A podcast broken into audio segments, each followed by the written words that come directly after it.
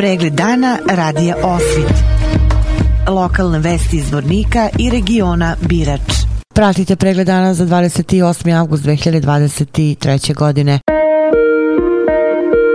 Bliže se početak nove školske godine, najveća škola na području grada Zvornika, osnovna škola Sveti Sava, spremno ulazi u novu školsku godinu. Direktor osnovne škole Sveti Sava, Goran Ivanović. Za narednu školsku godinu upisao su ukupno 145 učenika u prvi razred. Od toga 136 u centralnoj školi u i devet učenika u četiri područne škole. Što se tiče besplatnih učbenika i ove godine Ministarstvo prosvete i kulture će obezvijeti besplatne učbenike za učenike od prvog do četvrtog razreda, zatim za učenike u poradci 3 plus, odnosno treće i naredno dijete će dobiti znači besplatne udžbenike.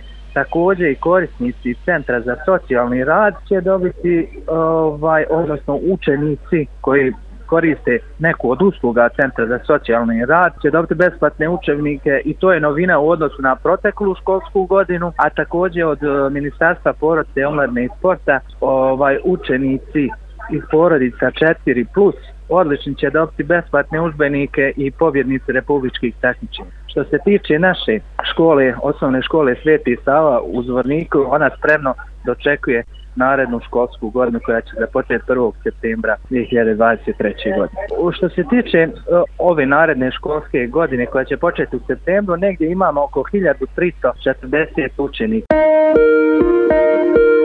Pojava pisanja grafita i mahanja zastavama je zadnje vreme sve prisutnije u zvorniku. Šta je tu neobično, možda se pitate. Ove pojave su običajene, a za isticanje simbola nepristanog uvredljivog ili uznemirujućeg sadržaja počiniocima sledi kazna. Kažnjivo je to što vređaju pojedinca i zajednicu, naročito po verskom i nacionalnom osnovu, pa se tretiraju kao prekršaj javnog reda i mira. Grafiti su ispisani neprimereno, neukusno i neumesno, a radi se o isticanju i mahanju ratnim zastavama vojnih formacija iz ranije ranijih ratova. U oba slučaja su uvredljivim namerama i porukama zajednici. U oba slučaja kako se prekršaj odnosi na narušavanje javnog reda i mira, kazne su novčane, često i simbolične. Ako se i pronađe izvršilac, pošto se prijave uglavnom odnose na NN lica. Kada su počinioci u pitanju, pretpostavljamo da im nisu značajne upravo i male novčane kazne, koliko ćejf, merak i užitak da urade ono što su naumili kad delo izvršavaju. Ništa drugačije od ostalih sličnih sredina nisu razmišljenja lokalac u zvorničkoj zajednici. Ima zidova i objekata koji su kao stvoreni za pisanje, a slavlja i prilika da ih upotpunimo zastavama nam ne nedostaje. Narod smo kreativan, poznat po duhovitosti i inatu. Proteklog meseca bila je u zvorniku prijava za pisanje neprimerenih grafita na zidu Sokolskog doma za objavu na društvenoj mreži TikTok, mahanje u koloni vozila kroz grad ratnom zastavom Armije Bosne i Hercegovine, te isticanje pomenute zastave na jednoj od zgrada u gradu. Događaji su doživljeni različito, a jedno je isto. Oba su uznemirila javnost, pa se od nadležnih institucija očekivala reakcija. U oba slučaja građani su negodovali i istakli da to doživljavaju kao pretnje koje doprinose dizanju tenzija na nacionalnoj osnovi. Kada su grafiti u pitanju, rešenje je reklo bi se jednostavno. Komunalna policija svojom odlukom ih prekrečava. Kanda su sada malo promenili taktiku, pa su zadnje grafite nisu prekračili belim, već dodatno slova učinili neprepoznatljivim sa crnim linijama. Omiljeni zid koji je po onome kako izgleda mesto za razne razna pisanja je ne samo Sokolski dom, već i suprotni zid Zanatskog centra iza tribina sportskog igrališta kod doma.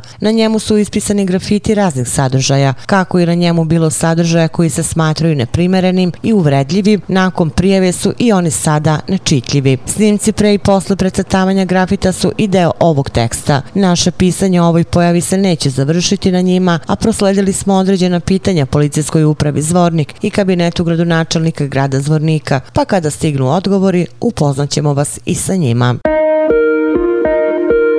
Policijske stanice Bratunac u subotu je prijavljeno da je u koritu reke Drine u mestu Povrđe opština Bratunac pronađeno beživotno telo migranta. Policijske službenici policijske stanice Bratunac su izvršili uviđaj na licu mesta, a pronađeno beživotno telo je pregledano od strane doktora mrtvozornika. O svemu navedenom je obavešten dežurni tužilac okružnog javnog tužilaštva Bijeljina, koji je naložio vršenje obdukcije, koja će biti obavljena u javnoj zdravstvenoj ustanovi Zavod za sudsku medicinu u Bijeljini. Navodi se u saopštenju policijske uprave Zvornik.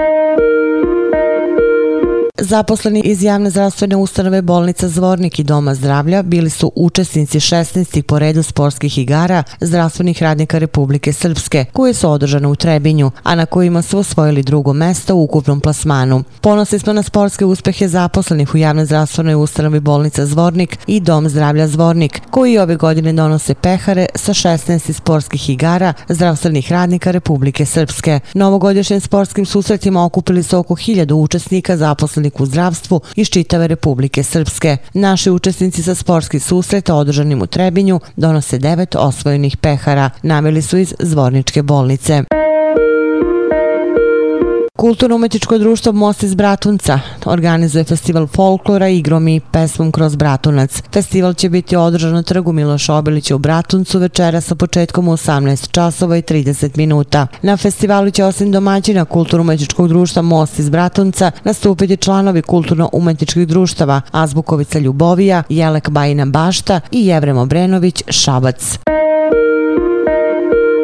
U Srebrenici u petak 25. augusta otvorena 15. međunarodna sedmica sećanja Poruka za čoveka, koja je posvećena preminuloj doktorici Irfanki Pašagić i traje do utorka 29. augusta. Danas je u okviru sedmice sećanja u Srebrenici otvorena izložba fotografija pod naslovom Pejzaž o čoveku. Fotografije su nastale u nekoliko bosansko-hercegovačkih lokalnih zajednica Srebrenica, Bratunac, Živinica, Tuzla, Lukavac, Zenica, Mostar i Kakanj. Istog dana u večernjim satima Srebreničani će imati priliku ugledati umetnički performans poruka za čoveka koji je rezultat rada mladih akademskih glumaca i mladih učesnika iz Srebrenice. U utorak 29. augusta 15. sedmica sećanja u Srebrenici će biti zatvorena, a posljednji događaj ovogodišnje manifestacije će biti panel o obrazovanju, kulturi sećanja i refleksiji na zajedništvo sa književnikom i kolumnistom Nenadom Veličkovićem.